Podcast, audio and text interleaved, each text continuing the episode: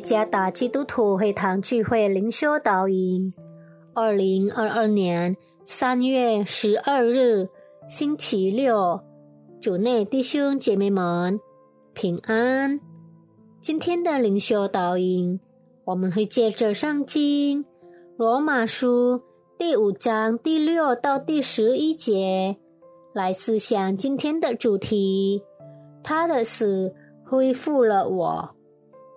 作者林金仙传道，《罗马书》第五章第六到第十一节：因我们还软弱的时候，基督就按所定的日期为罪人死；为一人死是少有的，为人人死或者有敢做的，唯有基督在我们还做罪人的时候。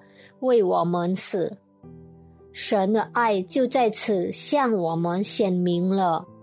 现在我们既靠着他的血称义，就更要借着他免去神的愤怒，因为我们做仇敌的时候，且借着神儿子的死得与神和好，既已和好。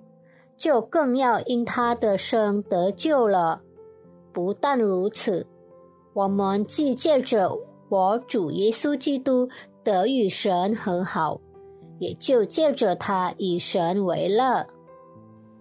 一四九二年，巴特尔加和弗里菲茨杰拉德加之间发生了激烈的竞争。两人在争夺都柏林市的高官地位，竞争持续了足够长的时间，以至于巴特尔一家逃到圣帕特里克大教堂避难，最终由弗里菲茨杰拉德家。主动愿意和解，他拿起一把斧头，在隔开他们的门上打了一个洞，然后伸手示意要和好。这伸出来善意的手被对方接纳，两家互相原谅并和解。本是相互对敌的人变成了朋友。这扇门成为两个争执家庭和好如初的记号。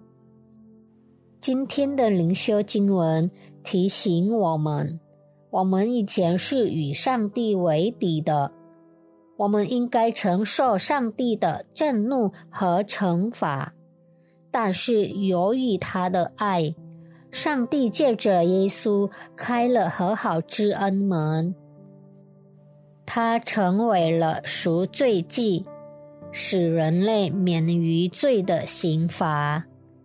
他的爱是从不计较我们爱或不爱他。与上帝为敌是应该受到上帝愤怒的，他却救赎并饶恕了我们。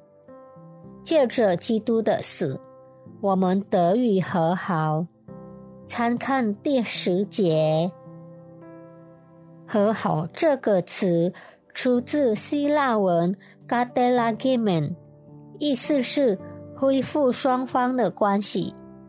所以，借着他的死，基督已经恢复我们与上帝之间的关系。基督的救赎已改变我们本是奴隶的身份，成为自由的人。从与上帝为敌而成为上帝儿女，从本该死的成为有生命，以及与上帝和好的人。作为一个已经历复原的人，让我们时常心存感恩，活出赐予我们的救赎之恩。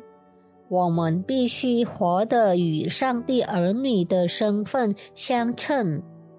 作为上帝的儿女，我们经历了与上帝以及他人之间关系的恢复和好。